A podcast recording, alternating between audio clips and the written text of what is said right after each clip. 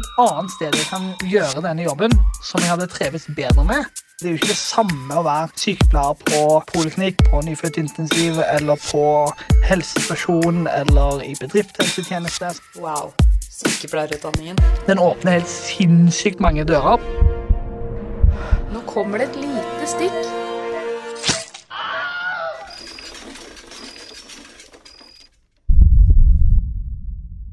Velkommen til en ny episode av Hjelp, jeg er sykepleier. I dag skal jeg intervjue fagsykepleieren som står bak en av mine absolutt favoritt-Instagram-kontoer.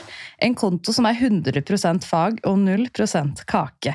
Velkommen hit, intensivsykepleier og fagsykepleier Ola Lundebrekke, skaperen av Instagram-kontoen nevrokirurgen understrek RH Uh OUS. uh -huh. tusen takk.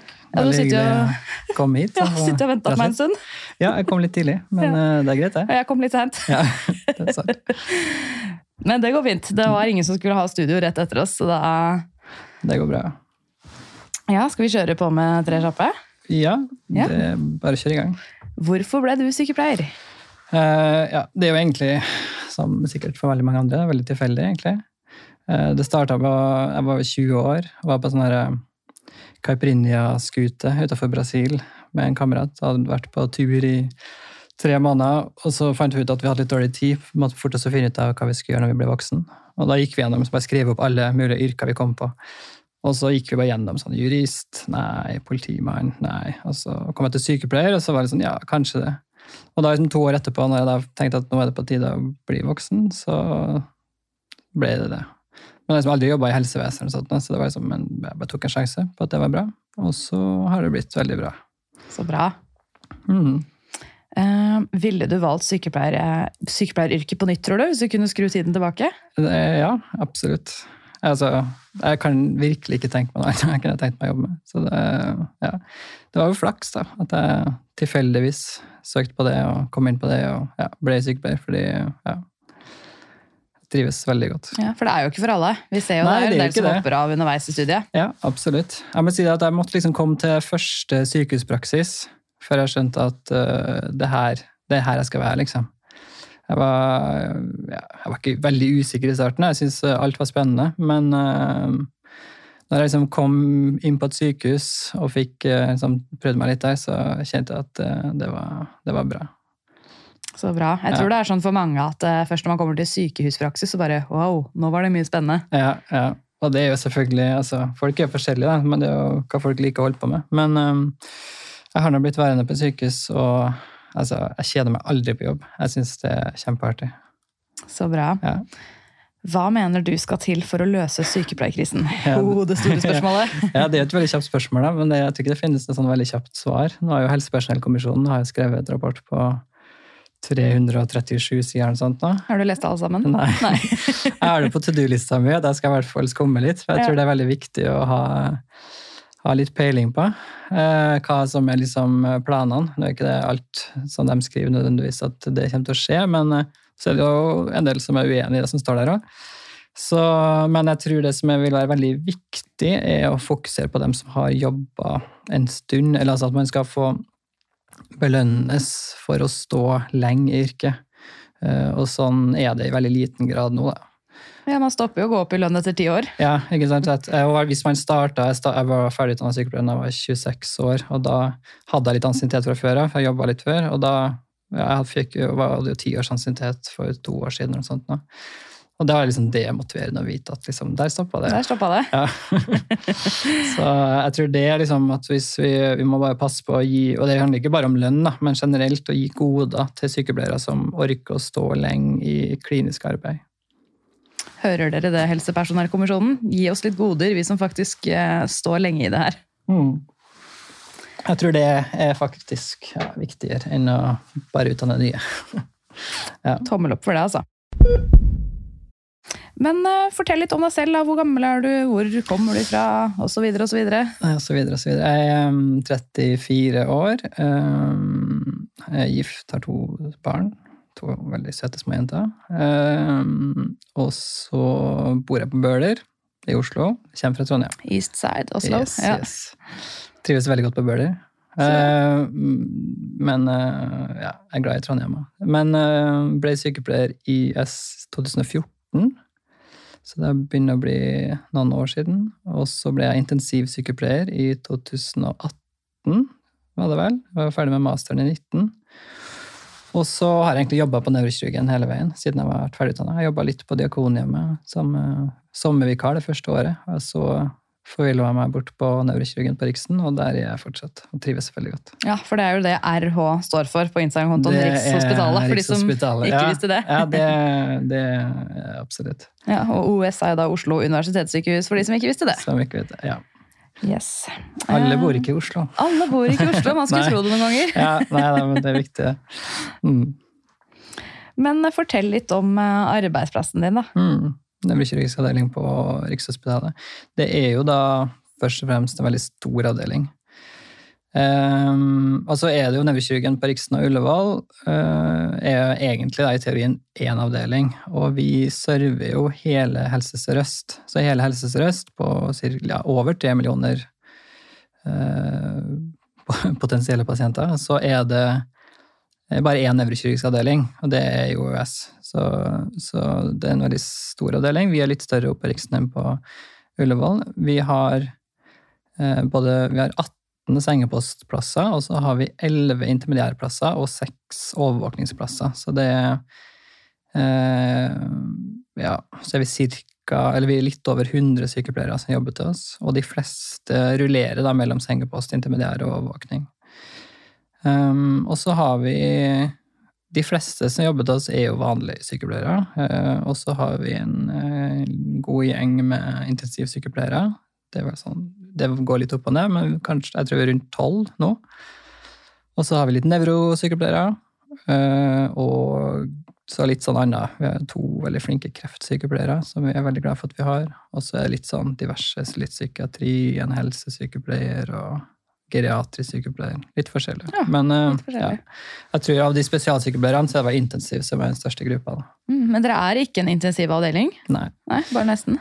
Ja, altså den overvåkninga med seks plasser, det er tett opp til en intensiv, eller sånn lett intensiv Det er i hvert fall veldig mye intensivmedisinske problemstillinger vi jobber med.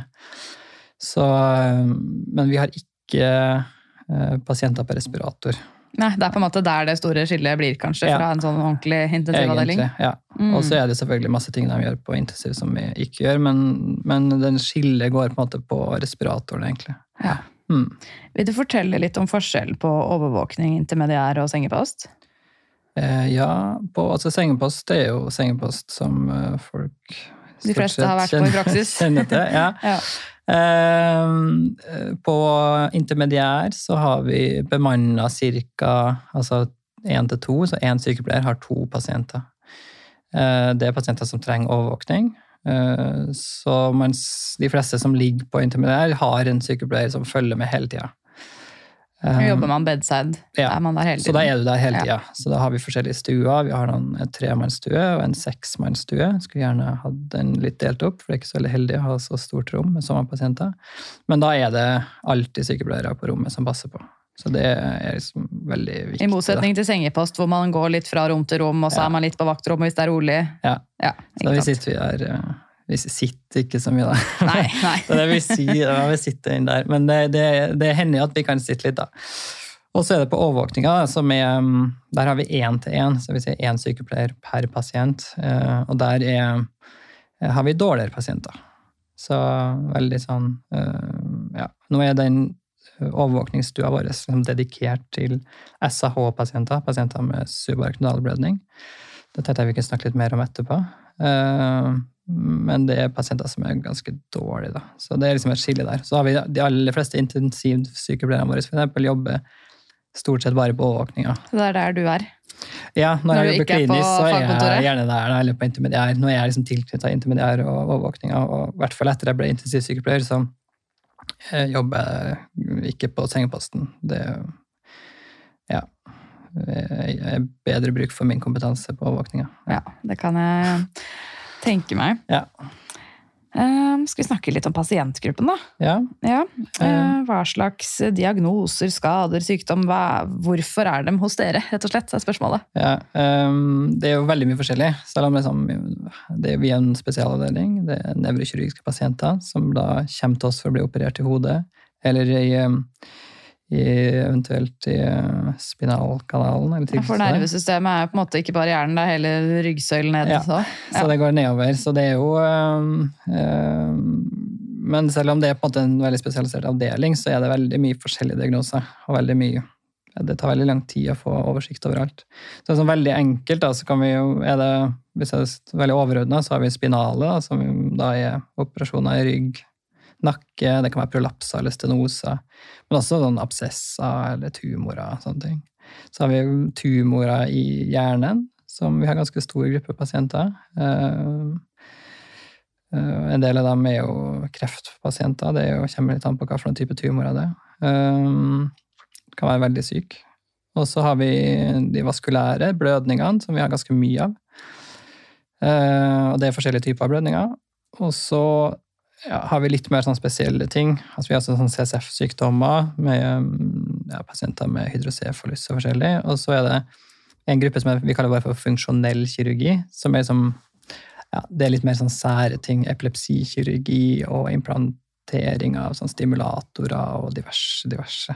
Så vi har veldig mye forskjellig, og så er det de fleste Altså vi har både øyehjelper og elektiv. Så altså, de fleste pasientene våre er jo elektive. Vi har et veldig stort elektivprogram. program. vi opererer masse.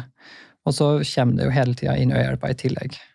Ja, en hjerneblødning skjer når man sist øh, venter. Ja, så det er litt vanskelig å planlegge med det. Så, dem, eh, så det er liksom en eh, ja, veldig sånn sammensatt um, med ja, elektiv øyehjelp. Og det å så få det maskineriet til å gå rundt med drift og sånt, det er jo ja, Nå jobber jeg ikke med koordinering da, overhodet, for jeg syns det er veldig ja, Det blir for vanskelig for meg. Ja.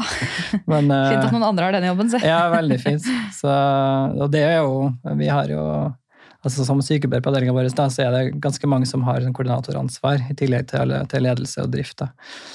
Eh, Så, så det, jeg kunne altså Etter å ha jobba et par år til oss, så er det fort at man kan eh, begynne å jobbe som koordinator. Men det har aldri vært noe for meg.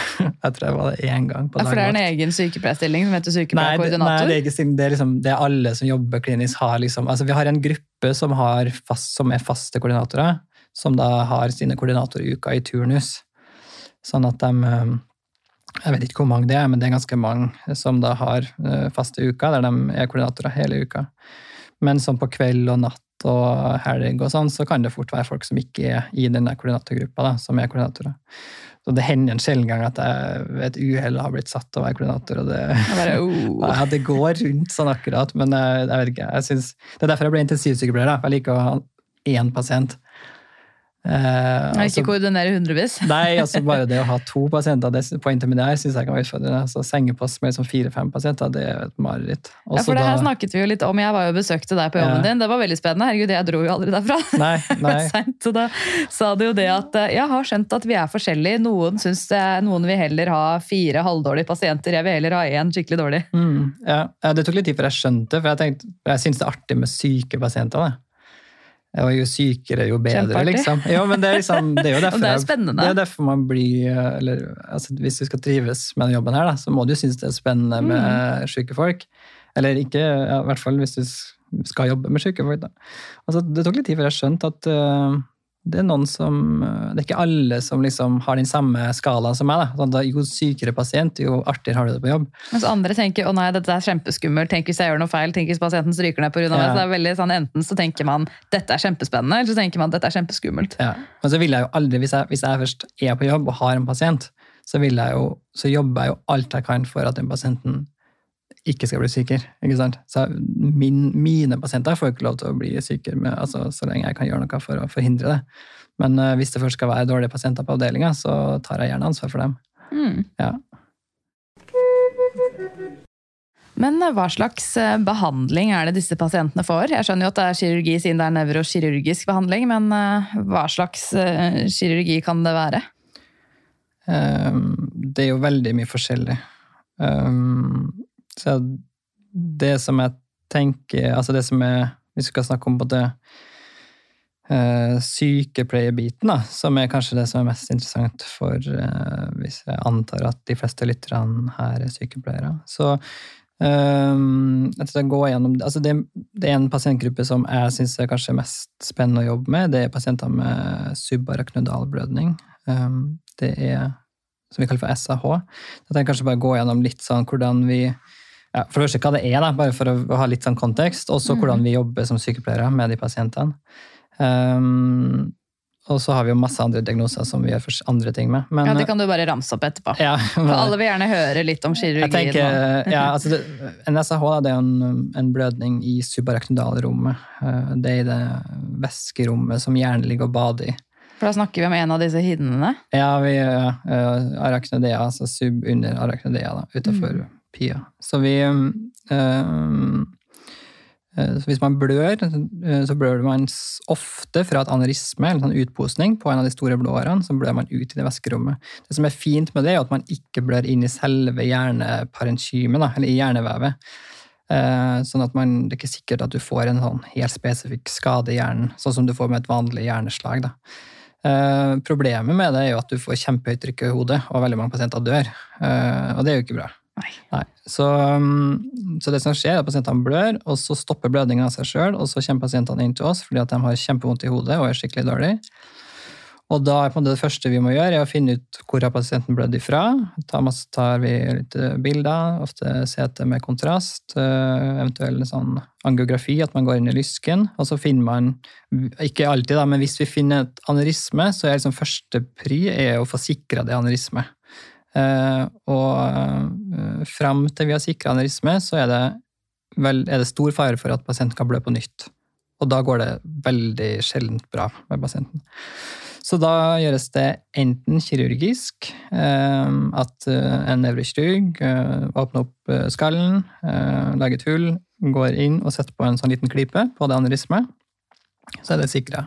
Alternativet er å gjøre det endovaskulært, at eh, vi en, eh, gjøres eh, av en nevroradiolog, eller en intervensjonist, som da går inn i lysken, likedan som de behandler ikke likedan, men samme konsept som eksempel ved PCI, hjertebehandling.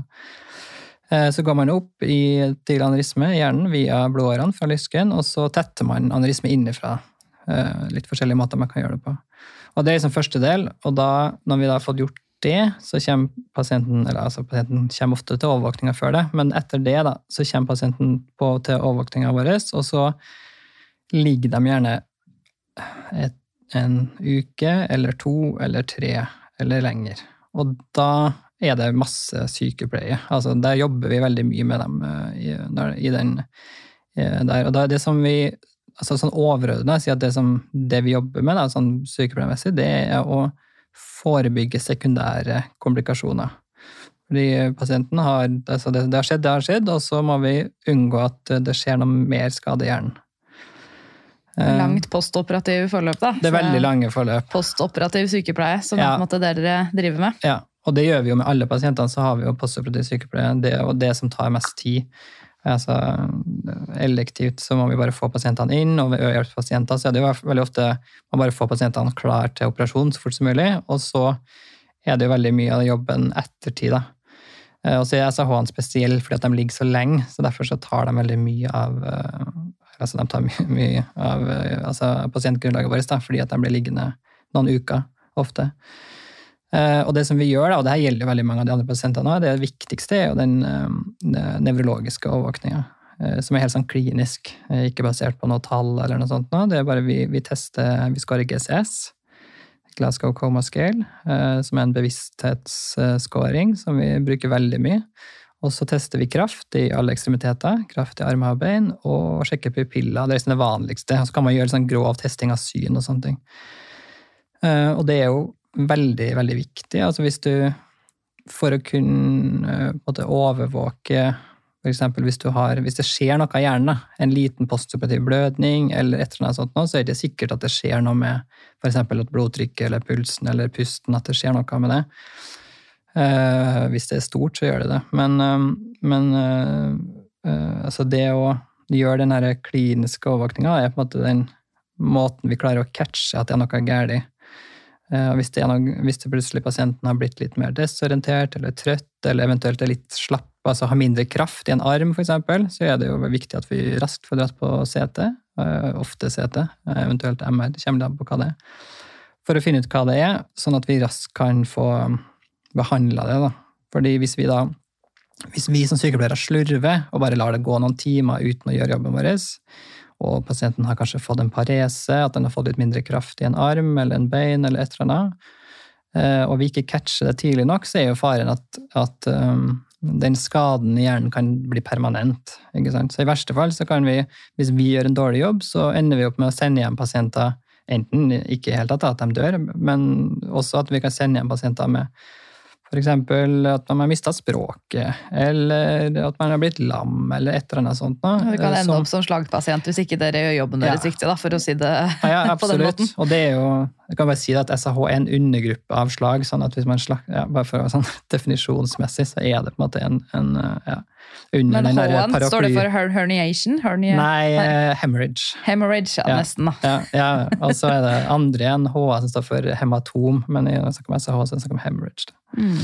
Uh, så liksom den nevrologiske undersøkelsen er veldig veldig viktig, da, og som måte, det, kan, det, betyr alt for pasienten sitt outcome, at vi gjør en god jobb. Men jeg må bare spørre, Når dere mm. sjekker kraft i ekstremiteter, mm. hvordan mm. gjør dere det? Ta, mm. Klyp meg i armen, hånd bak. ja, vi er ganske sånn standardisert. Det er sånn, du tar um, klem med begge hendene. Kan du klemme? klemme. At pasienten klemmer på dere, så dere skjønner? Ja, vi, vi holder hverandre i hendene. Ja. Det er koselig. Rett og slett. Eh, altså ber dem om å klemme så hardt de kan, og så kjenner forskjellen. Og så ber vi pasientene om å løfte armene. sånn at de, Nå viser jeg, det, men det, altså begge hendene ut, eh, rett opp, eller ikke rett opp, men sånn 45 grader opp. Og så skal de holde dem der i sånn 10 sekunder. Eh, så ofte kan du kjenne at de klemmer kanskje like hardt, men hvis de holder opp begge hendene, og hvis du i tillegg ber dem om å lukke øynene eh, og holde en stund, så vil ofte skje at den ene hånda, hvis man har en sideforskjell da, som er veldig liten, så kan det ofte skje at da vil den, den svake sida drifte litt nedover. Det er som for å catche sånne små forskjeller. Eh, sammen med bein, at man starter med å vifte på tærne. Og så hvis pasienten har nok kraft til det, så er det både å løfte opp og løfte foten fra underlaget. Um, så det, sånn Nevrologisk så er det jo veldig grov testing sånn, sammenlignet med hva en nevrolog kan finne på å gjøre. ikke sant? Som er veldig mye sånn detalj, eh, hjernenerver og dyrt, dyrt, dyrt. Um, så, så, også sammenlignet med hva f.eks.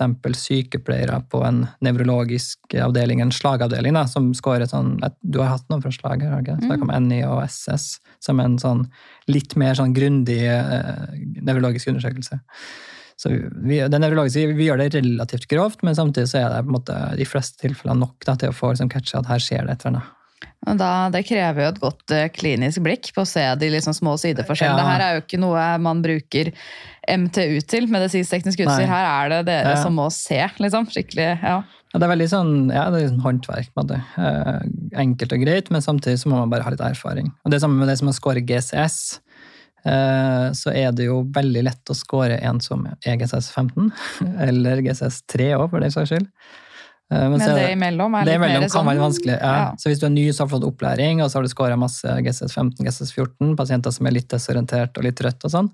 Og så får du plutselig pasienter som er sånn GCS 8-9, og så må man da blir det verre og få en sånn helt fin scoring på motorisk respons. Ja, for der er det jo lavere score, jo dårligere, ikke sant? Ja. 3 eh, er dyp koma, og 15 er sånn som vi er nå. Eh, våken og orientert og ja, følge oppfordringa. Så det vi tester, er jo øyeåpning, verbal respons og motorisk respons. Så spesielt den motoriske responsen kan være litt vanskelig er det fleksjon eller ekstensjon? Er det ja, viljestyrt, eller ja. Så det kan være, det liksom krever litt erfaring. Det er ikke kjempevanskelig å lære seg det, eh, men, eh, men det blir lettere når man har jobba litt med det. Må dere smertestimulere pasienter? Ja, det gjør vi en del. I hvert fall hvis det er sånn plutselig endring. Hvis pasienten var GC15, og så plutselig så er de kjempetrøtt, så smertestimulerer vi. Hvordan gjør dere det da? Eh, det er forskjellige måter å gjøre det på. Det er som vanlig er å klemme på, på, opp på neglebåndet. Hvis du tar en penn for eksempel, altså over neglebåndet, så klemmer du ned. Det er veldig vondt. Eh, men da vil vi jo se at pasientene trekker hånda til seg. Kanskje prøve å dytte deg bort. Da er vi fornøyd. Ja, da var det respons. ja, Men hvis vi ikke får noen respons på det, så kan man også gjøre sånn sentral simulering. Det som jeg tror det er mest etter boka, det er også, øh, også klem Det er litt vanskelig å forklare det, men rett over øyet så er det sånn hakk i beinet Ja. som jeg viser frem til deg. Men som er, så hvis du klemmer opp der, så er det en sånn sentral stimulering av eh, smertestimulering som er ganske vondt, men som er ganske ufarlig. Mm. Eh, det som jeg gjør ganske ofte, er hvis du klemmer på den trapesius, altså oppå, oppå heter mellom skuldra og halsen, så Ja. er det muskelen som er på her. Så klemmer på den, så er det jo ganske vondt. Og det er også veldig naturlig å ta tak i der, og så rister du pasienten, så klemmer du litt hardt. Så sier, Helene! Ja, ja. jeg er våken, jeg lover! Ja, men det er sånn der, typisk når man er ny, så er man litt sånn «Eh, Du, jeg får ikke noe liv inni her. Kan, vi, kan du komme og se litt, liksom? Og så er det bare, kommer noen erfarne og røsker litt til pasienten og roper litt høyt. Og så bare ja, Mens vi snakker om det her, alt jeg tenker på er Jeg var ute på byen en gang med noen sykepleiere. Eh, drakk eh, alkohol, men var våkne. Men eh, vi fant en annen på bakken som ikke var så veldig våken. Mm. Stakkars en eller annen ung militærgutt. Hadde vært ute på oppdrag lenge, ikke spist og drukket på mange uker. Drar rett på fylla.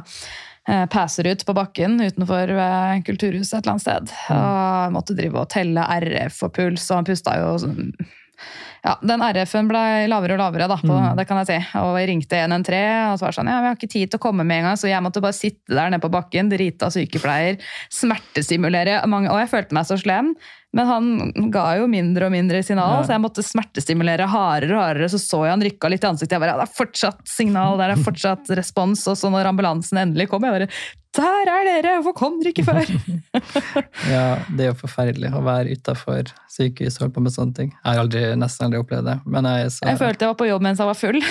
ja, ikke sant? Veldig rart. ja, uff, ja. Nei, men uh, hvis pasientene er veldig bevisst, eller har lav bevissthet, så uh, altså Den smertestimuleringa vi gjør, er jo ikke noe farlig, da. Så, men vi har, det som vi har gått bort ifra, er sånn her sternumgenikk.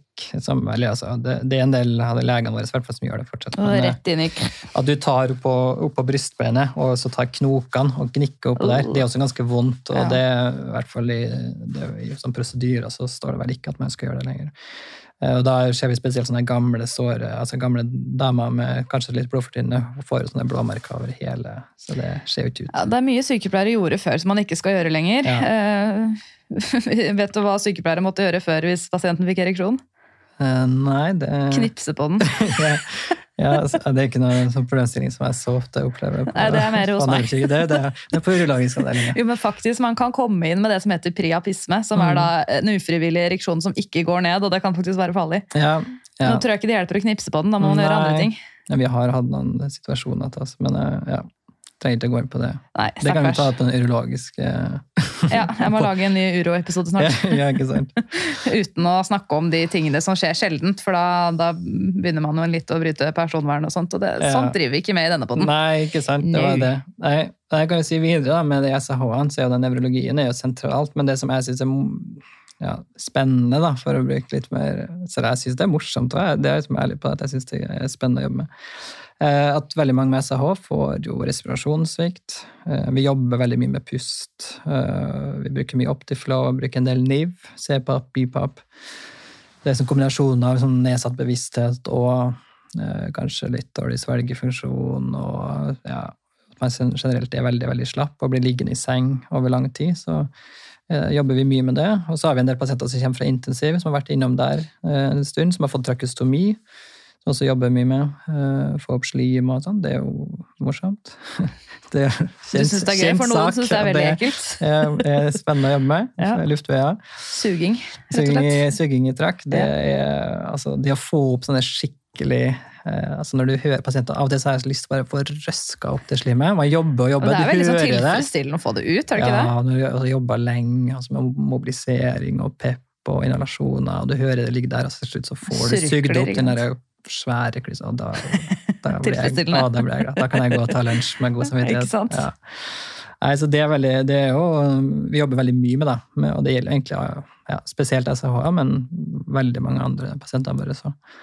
Og så er det på en måte noe av det viktigste, som er jo sirkulasjon, som er helt sentralt i behandlinga av SAH. At vi skal ha Vi har veldig strenge blodtrykksgrenser, eh, som oftest er sånn type systolisk blodtrykk under 180, og det er jo én en ting, men det som er enda viktigere, er å ha høyt nok blodtrykk, så jeg vil stort sett ha ganske høyt blodtrykk.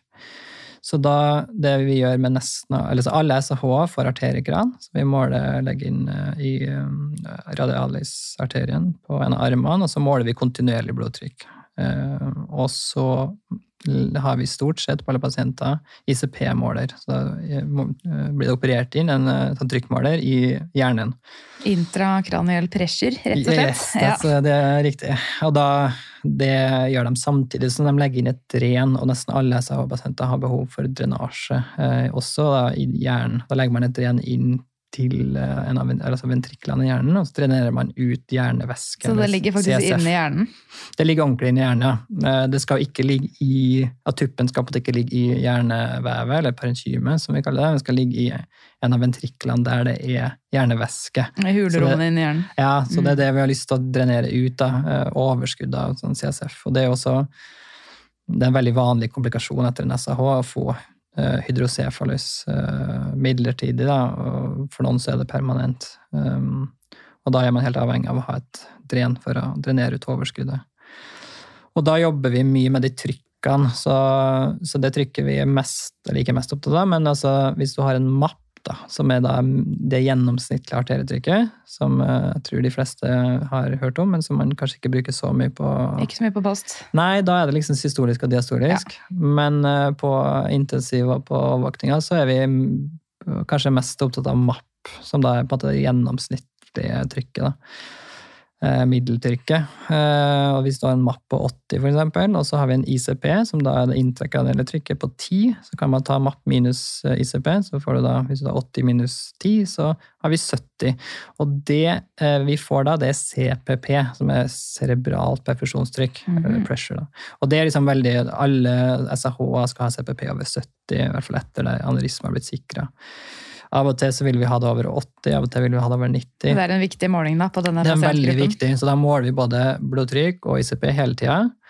Eh, Og hvis CPP er for lav, så kan vi da enten øke blodtrykket med medisiner, væske, eh, slutte å gi legemidler som senker blodtrykket eh, og lignende ting, eller vi kan behandle, gjøre tiltak for å senke ICP. Og i det rommet her, da, da er det masse tiltak vi kan gjøre for å senke ICP. Det er enkle tiltak som å leire pasienten fra sida til rygg, hodet er nøytral, eh, sikre at god blodstrøm tilbake fra hjernen, til mer avanserte, som å gi ja, det er ikke kjempeavansert, men man kan gi hypertont saltvann, eksempel, som trekker væske ut av hjernen. Eh, Så har vi liksom verktøykasse med tiltak man kan gjøre. Og så i i det handlingsrommet der, da, med liksom å, å sjonglere blodtrykk og ICP for å få fine målinger, eh, jobber vi ganske mye og gir mye legemidler for å både senke og øke blodtrykk. og ja, Det er veldig sentralt, og grunnen til at det er så viktig, er fordi at hvis altså, altså en vanlig komplikasjon etter en SAH, i tillegg til hydrocefalus, det er cerebrale vasospasma, og da er det blodårer i hjernen som trekker seg sammen. Eh, Og Faren da er jo at det er deler av hjernen som får for lite blod, og da er vi veldig opptatt av å ha god perfusjon, høyt blodtrykk. Og hvis man da, spesielt når det er etablerte spasmer, hvis pasienten har, det kan være bare kort tid, blir liggende med for lavt trykk, så kan man få permanent hjerneskade. Og da er det veldig opp til oss som står ved pasienten, at hvis vi slurver litt, eller bare, ja, ja, det går sikkert bra at pasienten har hatt lite blodtrykksfall, vi lar det bare, vi, vi ser hva som skjer, liksom. Så i verste fall så ender det opp med at eh, det blir satt seg da, et infarkt i eh, deler av hjernen. Så det er jo sånn som er veldig spennende å, å jobbe med. eh, Og det, vi jobber veldig mye med det sjøl. Altså, vi får de rammene da, fra nevrokirurg. Målene. Vi skal ha CPP over 70, ICP under 20, systolisk under 180. Og så har vi et lite sånn arsenal tiltak da, som vi kan jobbe med. Ja, for dere har virkelig, virkelig brukt anatomi og fysiologi-kunnskapen deres, da. Ja, det er, og det er jo veldig mye lettere å jobbe med det hvis man skjønner hva man holder på med. da. Eh, Det er mye man kan, eller det er egentlig ikke så mye man kan gjøre, man kan gjøre en del tiltak for, for å senke ICP. Og hvis du skjønner hvorfor de forskjellige tiltakene har effekt, så er det lettere å skjønne hva man bør gjøre. Eh, Så, og så er det jo mye morsommere, da, hvis man skjønner hva man holder på med. Ja, ja, det er jo da sykepleie er gøy, når man skjønner hva som skjer, og man Ja. skjønner hvilke tiltak man skal gjøre, og så ser man at det får effekt. Så bare yes, så Yes. føler man litt den der superpower nurse feeling. Ja, ja. Det er kjempeartig. Ja, Det er men det er det. Det er kjempetilfredsstillende når man liksom klarer å skjønne hva er det egentlig liksom, hvert fall med sånn komplekse pasienter. og Det er det med SAH da, ofte at det, det feiler dem ofte mye. Sant? Det er det med hodet, det er det nevrologiske, og så er de dårlig respiratorisk, og så er de ustabilt sirkulatorisk. Kanskje noe arytmier på toppen. Og så er det noe med magen og eliminasjon i tillegg. Uh, og, liksom å, og ikke minst elektrolyttforstyrrelse. Når man liksom klarer å skjønne sammenhengen, og man klarer å liksom være smart da, og gjøre gode tiltak, så, så føles det bra.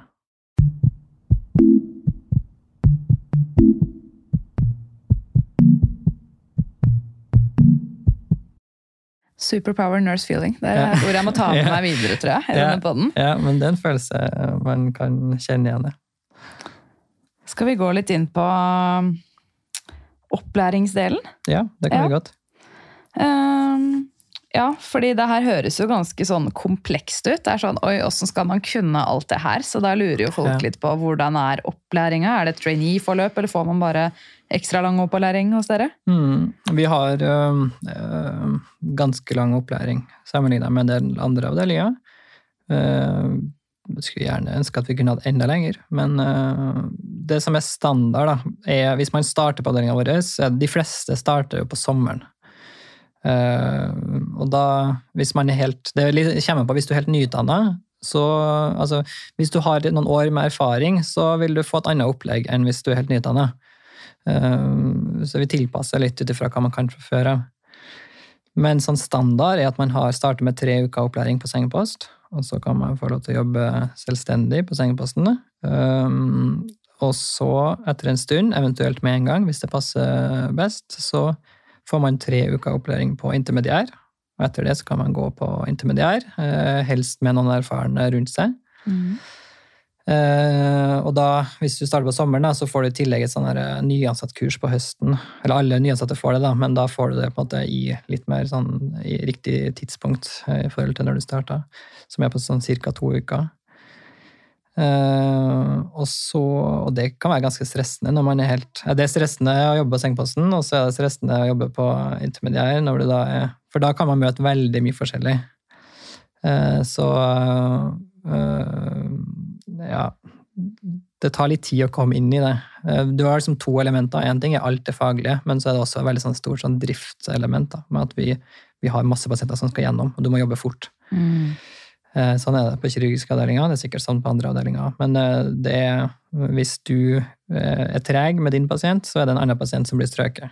I verste fall. Som da Ja. betyr bli ikke operert den dagen. Ja, for dere driver preoperativ sykepleie og gjør klar pasienter før Ja. operasjonen? Ja. Ja. De fleste ligger jo da på sengeposten preoperativt, bortsett fra en del øyehjelper som kommer inn og ja, må ha overvåkning også før operasjonen. Mm. Um, og så er det sånn cirka, jeg tror jeg jobba på avdelinga et års tid, så får du opplæring på overvåkninga. Og da altså tre uker. Er det noe folk gleder seg til, eller gruer seg til? Ja, det er forskjellig. Ja. Noen, uh, så derfor så har vi, på at når du er ny, da, så har du en, en uh, Vi er tre fagsykepleiere som jobber på avdelinga. To på intermediære overvåkninga og én på sengeposten. Og så får du på en måte én fagsykepleier som skal følge deg opp. da. Så har vi litt dialog underveis uh, om liksom Tenker du at det passer fint, så gå videre nå, liksom. Og noen har lyst til å vente litt. Noen har lyst til å bli som ordentlig trygg på sengeposten og intermediær før man går inn på overvåkninga, mens andre er veldig ivrige. Og da tar vi hensyn til det. Og så må vi jo se an litt på noe, hvordan de fungerer òg, da. Men, eh, men hvis man har lyst til å bli god, så klarer man å bli god. Har du lyst til å ha lov? Ja, til en viss grad, i hvert fall. Ja. Ja. Så det eh, Ja. Og så har vi jo, som jeg sa, noen intensivsykepleiere som jobber til oss. Og hvis man f.eks. kommer og starter til oss som um, intensivsykepleier, eller uh, f.eks. vi får av og til sykepleiere fra, som har jobba, har erfaring fra nevrokirurgen på Haukeland, f.eks.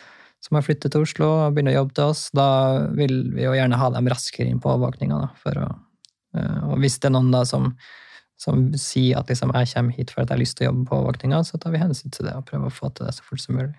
Mm. Så lenge de har den kompetansen som trengs. da. Og så er det jo, det er jo slitsomt å bare komme på et helt nytt sykehus og lære seg alle rutinene. Det er jo sykt mye rutiner. Ja, det er jo slitsomt for hodet Ja. å lære seg mye nytt på en gang, så det er jo greit å ja, dele det opp litt, så det ikke blir for mye for en eh, stakkars ny sykepleier òg. Ja, jeg tror det er ganske heftig, men jeg, vi har jo jeg, ja.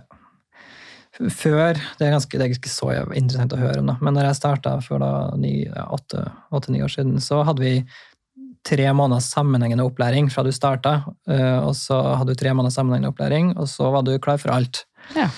Eh, Eller klar for ingenting. Så det var, jeg tror det er mer fornuftig å gjøre det litt mer sånn gradvis. da. Ja, Men eh, absolutt. Det Det ikke blir sånne pakkeforløp. ja, nei, er det, det er jo skummelt å være ny sykepleier. Det skal være skummelt. Hvis du er, liksom, hvis du er veldig, veldig opplever at du har full kontroll etter å ha jobba noen måneder, så, det Det er det eh, skumleste. De som er helt ja, nye og bare 'nei, jeg trenger ikke noe opplæring, jeg kan alt'. Så ja. det, da går alarmbjella inn i meg, i hvert fall. Ja, ja, veldig.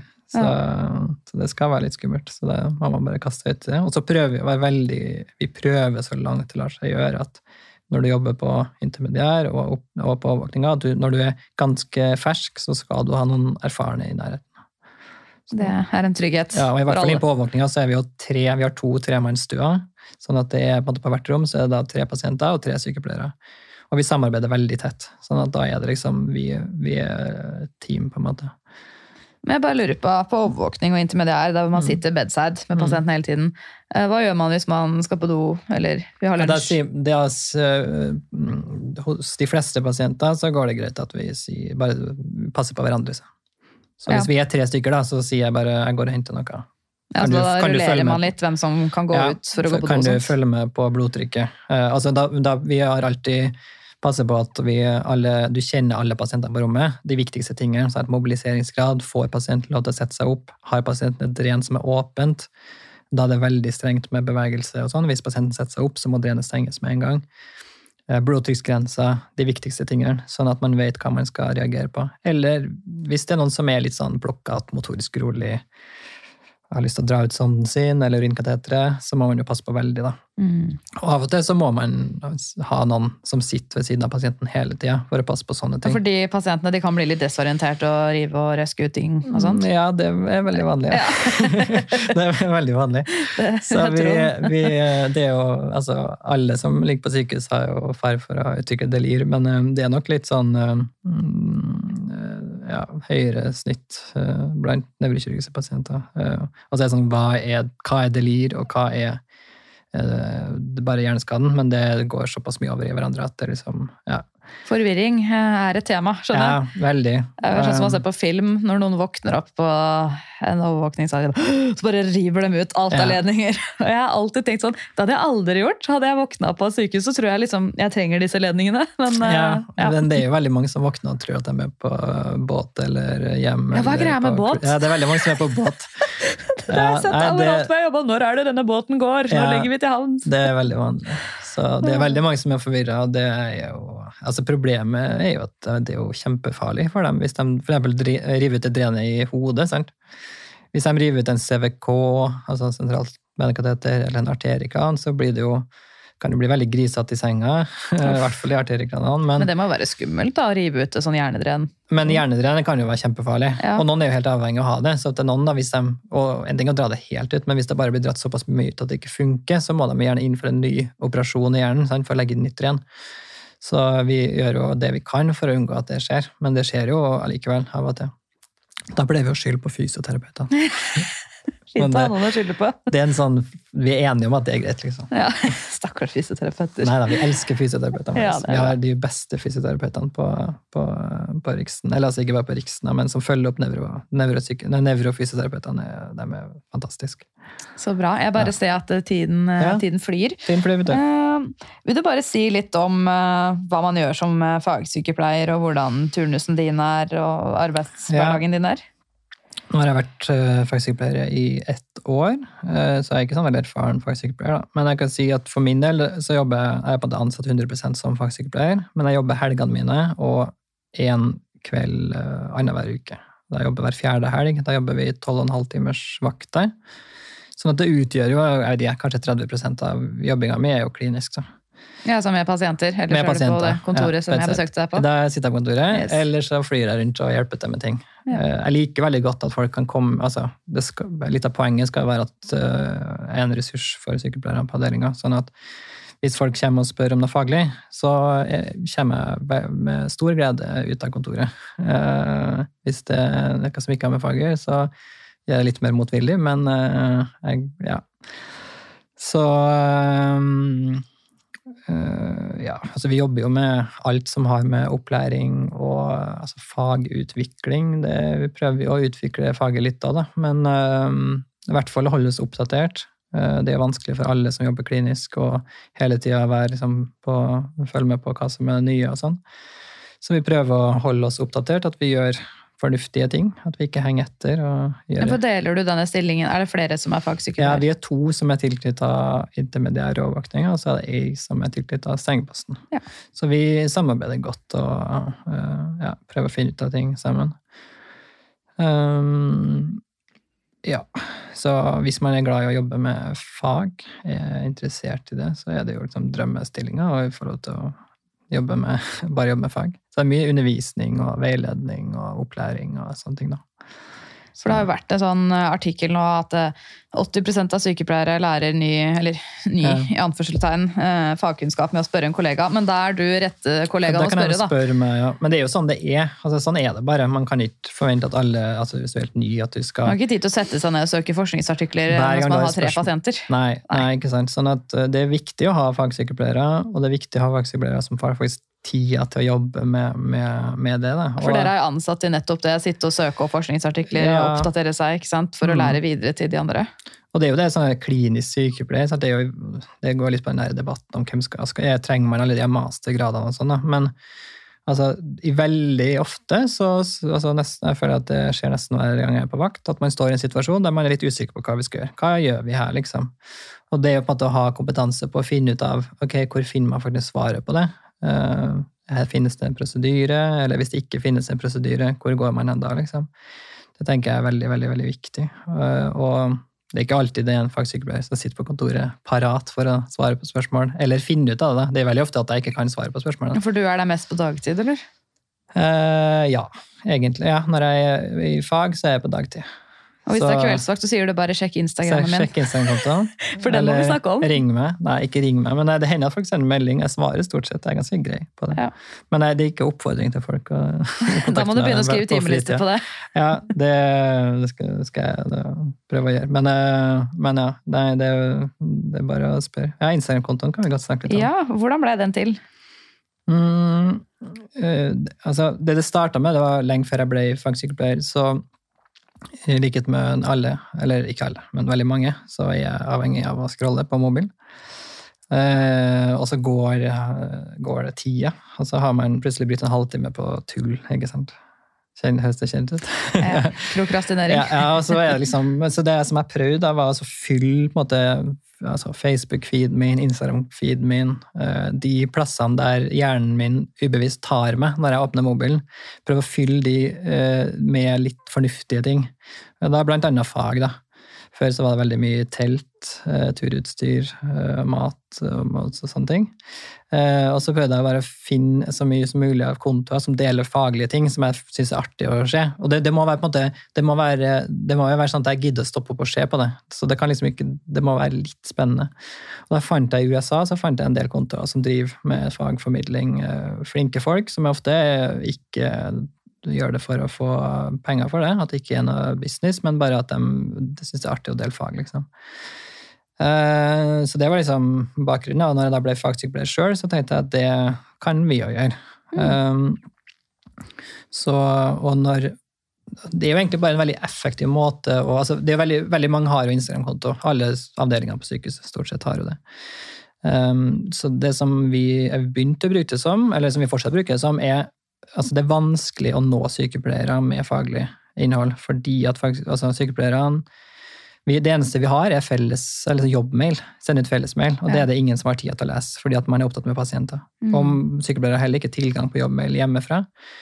Og så har vi jo fagdager et par ganger i året men det er liksom, og internundervisning, men det er vanskelig å treffe alle sammen. Da. Det er alltid noen som må jobbe. Ja, det er alltid noen som jobber. Ja. Så øh, tenkte da bare lager vi en Instagram-konto, og så kan vi bare mate ut For fag. mobilen, den har man alltid tid til. Alltid til. Og det funker jo utrolig bra, fordi folk øh, får det jo med seg. Sånn at øh, hvis Altså, de, vi har noen få som ikke har Instagram, så det er både et viktig poeng at vi kan ikke dele ting som er viktig, bare på Instagram. Da må det ut på en mail eller noe sånt. Da. Men det her er jo stort sett bare del faglige ting som finnes. Det finnes jo i lærebøker, det finnes på internett, det finnes rundt omkring, men bare øh, Ja. Del det, del på Instagram. Folk eh, leser det. Øh, og liksom tilbakemeldinga er at det er veldig veldig ålreit. Og så er det jo Jeg kunne jo på en måte hatt en lukka konto bare for mine egne, men det er litt sånn derre Sharing is caring. Sharing is caring. Det er jo, sånn- det er jo også en sånn brev for FOAM. Det er vel Free Online Access Medication.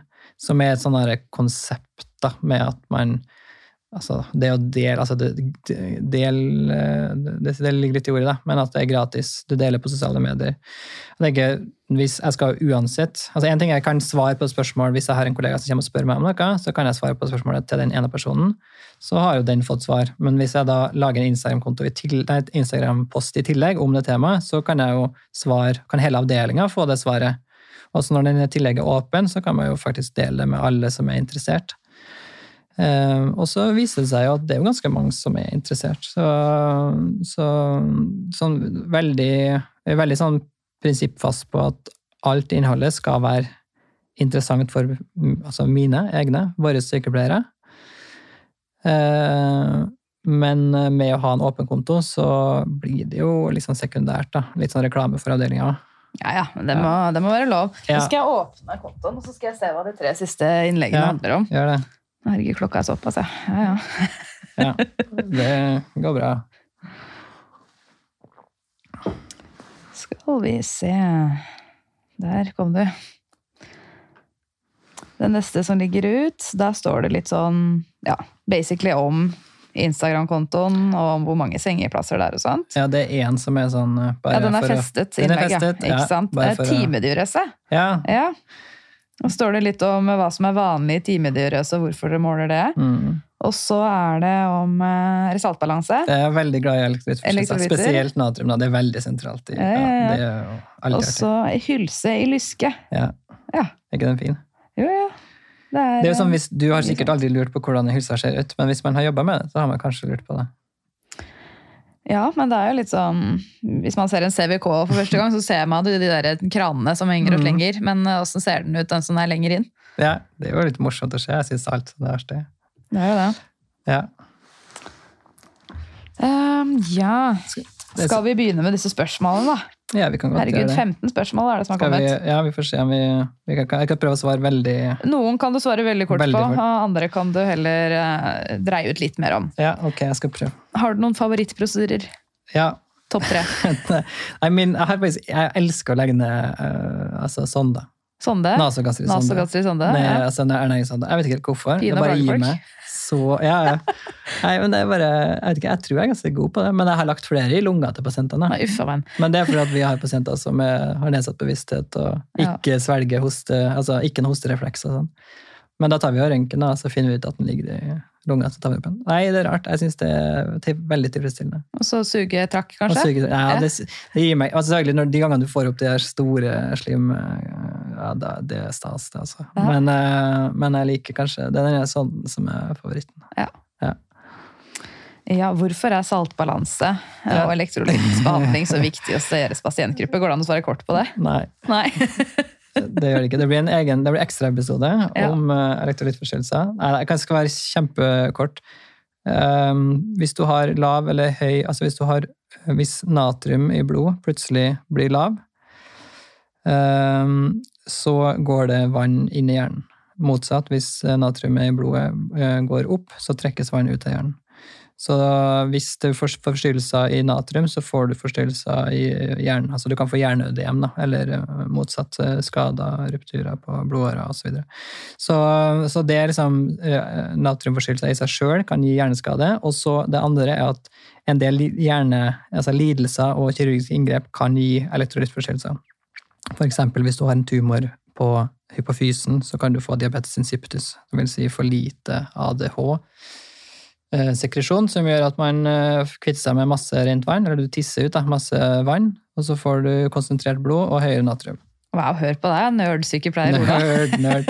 Ja, det er ikke det jeg snakka om det her i timevis, altså. Men det, det var veldig som- kort, da. ja. Så det, det er veldig sentralt. Uansett. Ja, så jeg må si at det er Dere som trodde at eh, sånne elektro elektrolyttforstyrrelser det holder til på medisinsk avdeling tro om igjen. Ja, nei, vi har en del av, vi eh, har mye av det, men spesielt eh, natrium, da.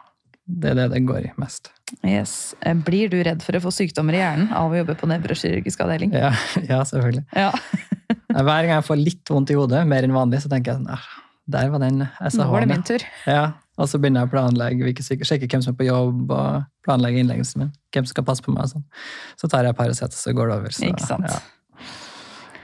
Um, hvordan er arbeidsmiljøet hos dere?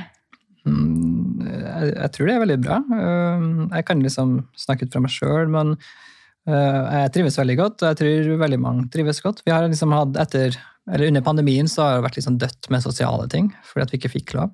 Så jeg jobber litt med å bygge det opp igjen nå. Mm, Men uh, jeg, står, jeg tror de fleste trives uh, godt. Ja. Så bra. Det er god stemning på kontoret ditt. Er det Ja. VR og sånt der? Ja, ja, vi koser oss med VR. og Ja, det er veldig god stemning. Det er stort sett Når jeg surrer rundt på avdelinga, så er det god stemning. Men det er jo ofte mye å gjøre. Da, så det er jo Jeg fikk jo prøve VR hos deg, og da var Ja. det jo som jeg var et bitte lite menneske som gikk inn i et stort menneske og fikk Ja. se liksom hjernen og blodårer og alt sånt. Det var ganske kult. Jeg skulle ønske vi hadde mer tid til å Ja. snakke om VR. Vi, ja, vi bruker VR til, litt til å lære om uh, intrakraniell anatomi. Det er veldig fornuftig, tror jeg. Jeg tror det blir mer av det i fremtiden. Ja, og så gjelder det å finne ut av uh, å bruke det til det det faktisk uh, der det har en plass. da. Det brukes, jeg tror nå når man har testet ut veldig mye, så, så blir det litt misbrukt. Uh, fordi altså, den virkelige verden er jo faktisk enda bedre å lære i enn den virtuelle verden, av og til.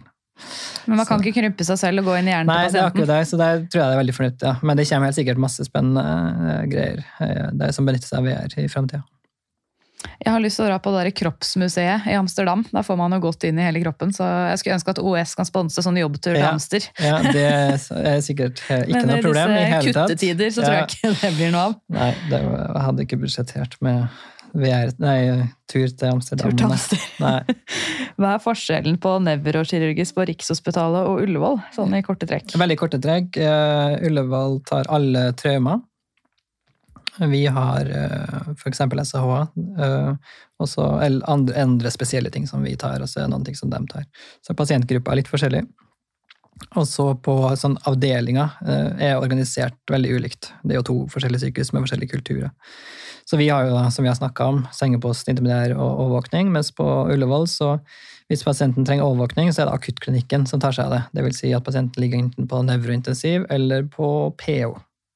Mens på Triksen så Vi har også pasienter innom PO, men de ligger en times tid bare der før de kommer til oss. Ja. Altså på. Og så har de også kjevekirurgi på den nevro. De har også kjeve, ja. De har jo vært her i poden, men jeg må spille inn på nytt med de, og det skal jeg få lov til å svare på hvorfor selv. Ja, ja det er bra. Ja. Vi, eh, vi, det, er liksom, vi, det er jo veldig langt, da, den trikketuren fra Riksen til Ullevål. Veldig langt. Så vi, eh, vi eh, Selv om det er samme avdeling, så er vi ganske sånn atskilt. Men vi er jo glad i dem likevel, da. Dere er jo kolleger, så er, ja, men det er langt ned til Ullevål. så langt er det ikke, da. Nei, det er komisk, da. Men det, det, er, jo, det er jo eh, rart. Men vi har et veldig godt samarbeid med nevrologisk sengepass for eksempel, på Riksen, fordi at de sitter rett ved siden av oss. Mm, ikke sant? Eh, Det Så er prøver å samarbeide med Ullevål, så så vi, vi, vi gjør det, altså. Til en, eh, til en viss grad. Men eh, det er en del sånn eh, det er på, eh, altså på legesida òg, en del ting som er liksom veldig sånn noen kulturgreier som er liksom satt seg veldig på hvordan man skal gjøre ting, som er liksom vanskelig å bli enig i.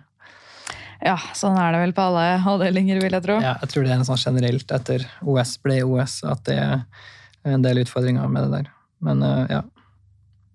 Så er det noen som spør epilepsi og kirurgi, indikasjon og kontraindikasjon? spørsmålstegn. ja. Eh, Det er også vanskelig å svare kort på, men eh, Ja. det er en liten Altså av pasienter med epilepsi, så av dem som ikke kommer i mål med Altså ikke får et bra liv med medisiner, så er det noen få som kan utredes for, eh, for epilepsikirurgi. Eh, Og for dem få som det gjelder, så blir det gjort til oss, da. Et, men en lang utredning først på SSE, på epilepsisykehuset i Bærum, og så til oss for videre kirurgisk utredning med sånn intra, altså med å operere inn elektroder for å ta sånn eh, altså stereotaktisk EEG, heter det. Eh, Så det er ikke mange pasienter i året som får det, men for dem som får det, så er det en del som blir veldig bra. Da. mm, Men, eh, spennende at, ja. eh, at det går an. Ja. Hvorfor vil du anbefale folk å søke jobb hos dere, med tanke på fag og miljø? Eh, ja, med tanke på fag og miljø. Jeg vil anbefale folk å søke pga. fag, da. Hvis man lurer på hvorfor, så får man høre, starte på nytt igjen på denne episoden. ja, tenker jeg. ja, ja, start på nytt. Nei da, men det, ja, det er jo veldig mye, veldig mye artig faglig da, som sykepleier. Og Man blir vel aldri faglig, ferdig utlært hos dere aldri, nei, det blir man jo aldri. Og det, men eh, det gjelder for oss. òg. Mm. Mm. Så er det noen som spør hva skulle dere ønske vi gjorde mer av preoperativt slash i mottak fra anestesi sin side? Nei, det har jeg, jeg vet ikke. Jeg har ikke noe svar, egentlig. Dere gjør alt perfekt. Det er kjempebra. Nei, men jeg, er- vi, jeg, vi har så, i mottak, de, de blir da tatt fint imot, og så kjenner til oss. Det har ikke noen sånn store. Og og fra anestesi sin side, så vet jeg ikke. Jeg er ikke, har ikke noe å tilføye. Nei, men, Det er greit svar der, det. Fint svar. Ja. Hvordan behandler dere DAI i akuttfase? Hva kan vi gjøre bedre i mottak? Jeg tror det er samme person som har spurt, Ja. som er anestesisykepleier. ja, jeg vet ikke hva. DAI er engang. jeg. Nei, det kan jeg svare veldig kort på, fordi det tror jeg står for sånn diffus axonal injury eller noe sånt, og det er etter trauma, så de kommer til Ullevål. Så det, det Mhm. Spør Ullevål om det. Ja. Gå videre. Hva liker du best med jobben din, og hva liker du minst? hva liker Jeg det best. Jeg liker jo veldig mye veldig godt, da. Uh, Det har jeg jo sagt. Men uh, jeg syns det er veldig artig å altså, få folk til å skjønne ting liksom, faglig, og klare å formidle fag på en god måte. Det er veldig morsomt. Det liker jeg. Eh, Det jeg liker minst, det er kanskje en sånn derre Koordinatorrolle? Ja, men det slipper jeg. Det har, det har, leder, det har lederne mine skjønt at det ikke passer meg. Nei, altså sånn derre eh, lang, sånn, Hvis man skal samarbeide om prosjekter som tar veldig lang tid, altså sånn folk som bruker lang tid på å svare på e-post og sånn, Ja. og da blir jeg, det, blir jeg gæren. Ja. Ja, det, det er kjedelig. Eh, Hva kan to forskjellige pupillestørrelser bety? Ja, det, er veldig, det kan bety mye forskjellig. Eh, anisokori, som det heter. Eh, det kan bety veldig mye forskjellig. Eh, det, men det er er ofte det vi er opptatt av, er at hvis du får en, et eller annet som klemmer på eh, det er vel okulomotorius nerven så kan du få en dilatert lysstiv pupill på ene sida. Og hvis du får det, så, så er det et tegn på mm, ja, at det, skjedd, skjer et eller annet der. Da. Det kan være for eksempel at du har, det er altså et seint symptom på høy, altså økt trykk i hodet. Eh, Men det kan også være en blødning. Altså, årsaken vet vi ikke, da. Men, eh, men, så det er noe vi er veldig obs- på. Så hvis det skjer, så er det rett på CT. Ja, Er det en av de tingene dere sjekker hver vakt? Ja, ofte mer enn én en gang per vakt. da. Eh, Ja. Sjekke pupiller. Om de er like store og reagerer på lys. Så det er sentralt i, i nevrologisk overvåkning. Spennende. Eh, Er det sant at pasienten er våken under hjernekirurgi? Ja, av og til. Eh, De fleste opereres ikke våken, men av og til så gjøres det våken. Og det er Ja. hvis man skal fjerne et eller annet, en tumor for eksempel, som ligger veldig tett på viktige funksjoner, som motorisk funksjon eller språkfunksjon, og det egner seg til våken kraniotomi, eller kraniotomi er ofte det, det, det man gjør da. Så, så legger man pasienten i narkose, øh, åpner skallen, åpner opp, For i skallen er det følelser, men ikke inni hjernen? Er det sånn der? Ja, altså man kan få en sånn lokal bedøvelse. Sånn, det er forskjellige måter å gjøre det her på, men som på Riksen så legges de i narkose, eh, åpner opp skallen, og så eh, vekkes de når man er klar for å begynne å, å surre oppi her. Er ikke det veldig veldig skummelt? da? Være våken mens noen driver og graver inn hjernen din? Ja, eh, det er skummelt. Har du vært med og sett på sånn operasjon? Nei, jeg har vært med på vakenkanatomi, men eh, er, eh, Anders Aasheim heter han, anestesisykepleier som jobber på Riksen. Han uh, intervjua det var tror jeg var masteroppgaven hans for noen år siden. Intervjua en liten gjeng med pasienter som har gått gjennom vakenkanatomi for å høre hvordan var det og de fleste syns det var ganske helt ok, egentlig. Jeg syns det høres helt sykt ut. Ja, det, men hadde eh, det, det er informasjon, da. Masse informasjon og være godt forberedt. Men man får kanskje litt beroligende hvis man trenger det, eller? Eh, altså Man våkner jo fra en eh, man, eh, Jeg er usikker, jeg skal ikke si helt sikkert hva det er man får. Men fordi man, vil litt, man er veldig opptatt av at, man, at de skal våkne ordentlig til. Ja. Hvis de får for eksempel, noe å slappe av på før operasjonen, så risikerer man at det henger i fortsatt når man skal Nei, Ja, for det er vel kanskje en grunn til at de skal være våken. Ja. Man holder for å se at alt Så går rett for for da, seg. tester man funksjoner mens man holder på, og så stimulerer oppi der. Så kan vi fjerne det her? Ja, det gikk helt fint. Da kan vi ta bort det. Ja. Så det, det kan man gjøre. Mm. Og så da når man da skal, altså på Riksen da, så legger de dem i narkose på nytt igjen før man lukker og gjør seg syr sammen og gjør det ferdig. Da. Spennende. spennende. Mm, det er spennende. Hva er mest utfordrende i din rolle som fagsykepleier? Uh, ja, det, altså, det er jo mye som er utfordrende, men uh, kanskje det å liksom klare å tilfredsstille alle. Vi har jo i likhet med alle avdelinger en del turnover. Vi har, bruker veldig mye energi på å lære opp nye sykepleiere. Eh, Det tror jeg alle avdelinger har slitt ut med for tida. Um, og da liksom å klare å, å bruke Ha nok fokus på de erfarne, da, som jeg snakka om tidligere. at de, vi, må, vi, må, vi må gjøre det vi, vi må gjøre mye for å prøve å holde på erfaring og holde på erfarne sykepleiere. Så det å liksom disponere tida si som fornuftig, eh, det er, liksom, det er en utfordring. For Man snakker om svingdørspasienter. ikke sant? Man kan snakke om svingdørssykepleiere òg. Ja. Det kommer nye, går og ja. Og det er litt sånn, det er nok litt i tiden. eh, altså Før så var det nok mer vanlig at man ble man fant seg en jobb, og så sto man i den jobben i år etter er år. man lojal, ikke sant? Men nå er det Ja. sånn nei, jeg ser hva bedre finnes der ute. At man shopper avdelinger, da, Ja. som man kaller det for. Ja, og det, og det er jo, det er jo ja, altså, Det er sikkert mange grunner til det, men det som vi ser, vet da, er jo at du, hvis du er lojal og blir stående i samme jobb over tid, så er jo ikke det noe gunstig for deg økonomisk. Man blir jo ikke, man blir jo ikke Du får ingen belønning Nei. for å stå lenge i samme jobb. Altså ingenting. Så jeg tenker, der, der har man litt å gå på. da.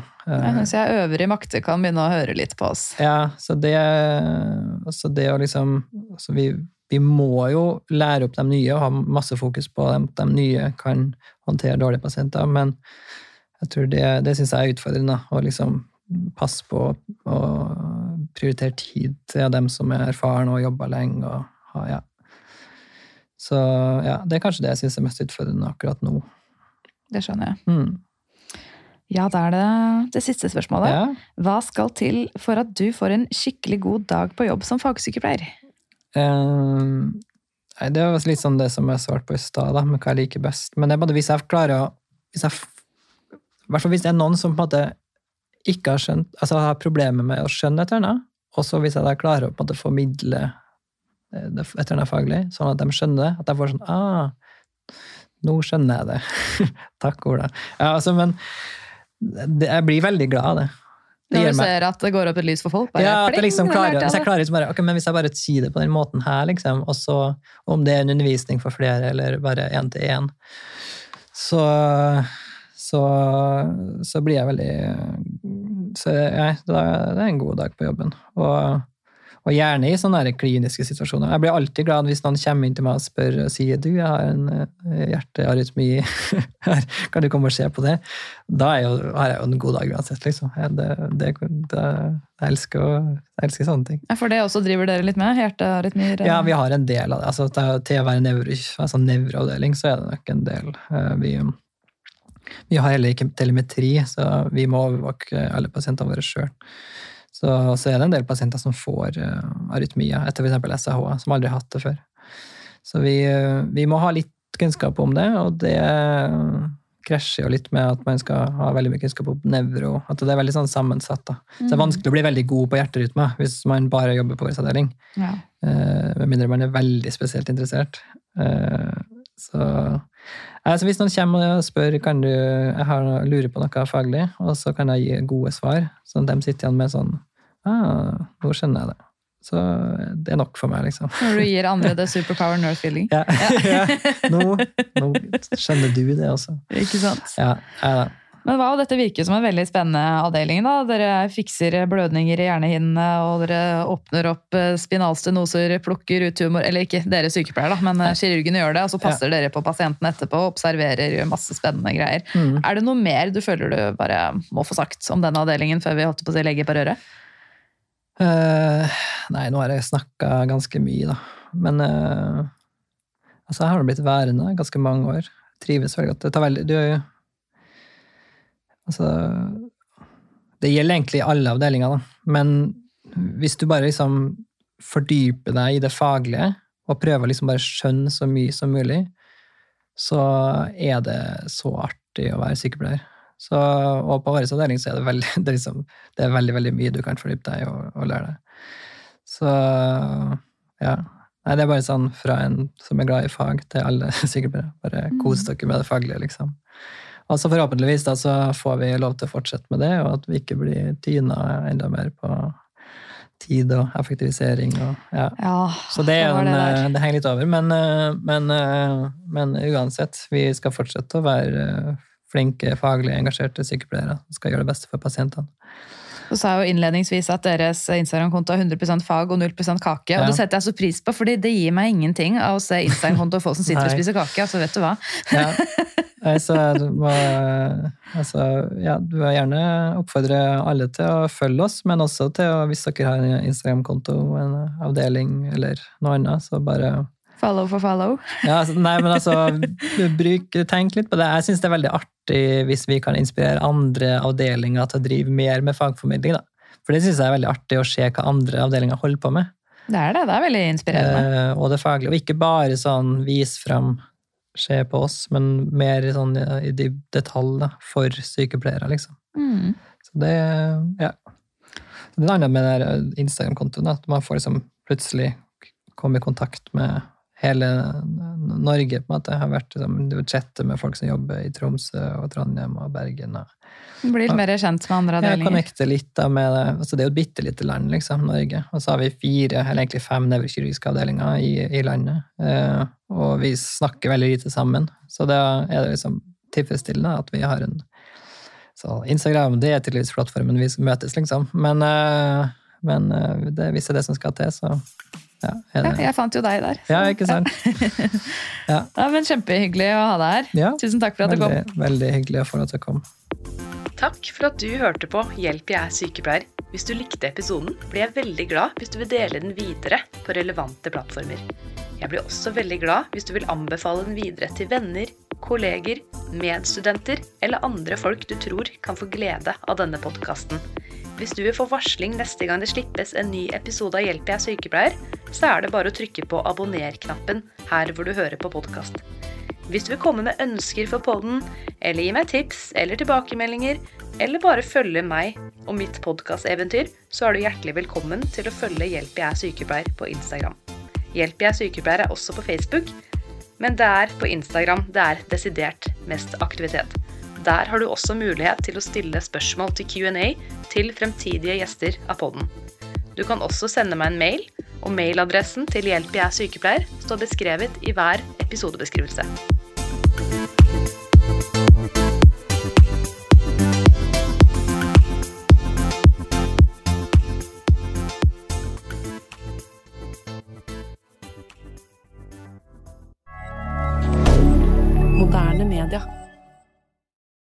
Har du et enkeltpersonforetak eller en liten bedrift?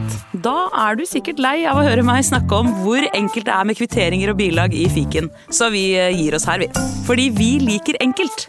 Fiken superenkelt regnskap.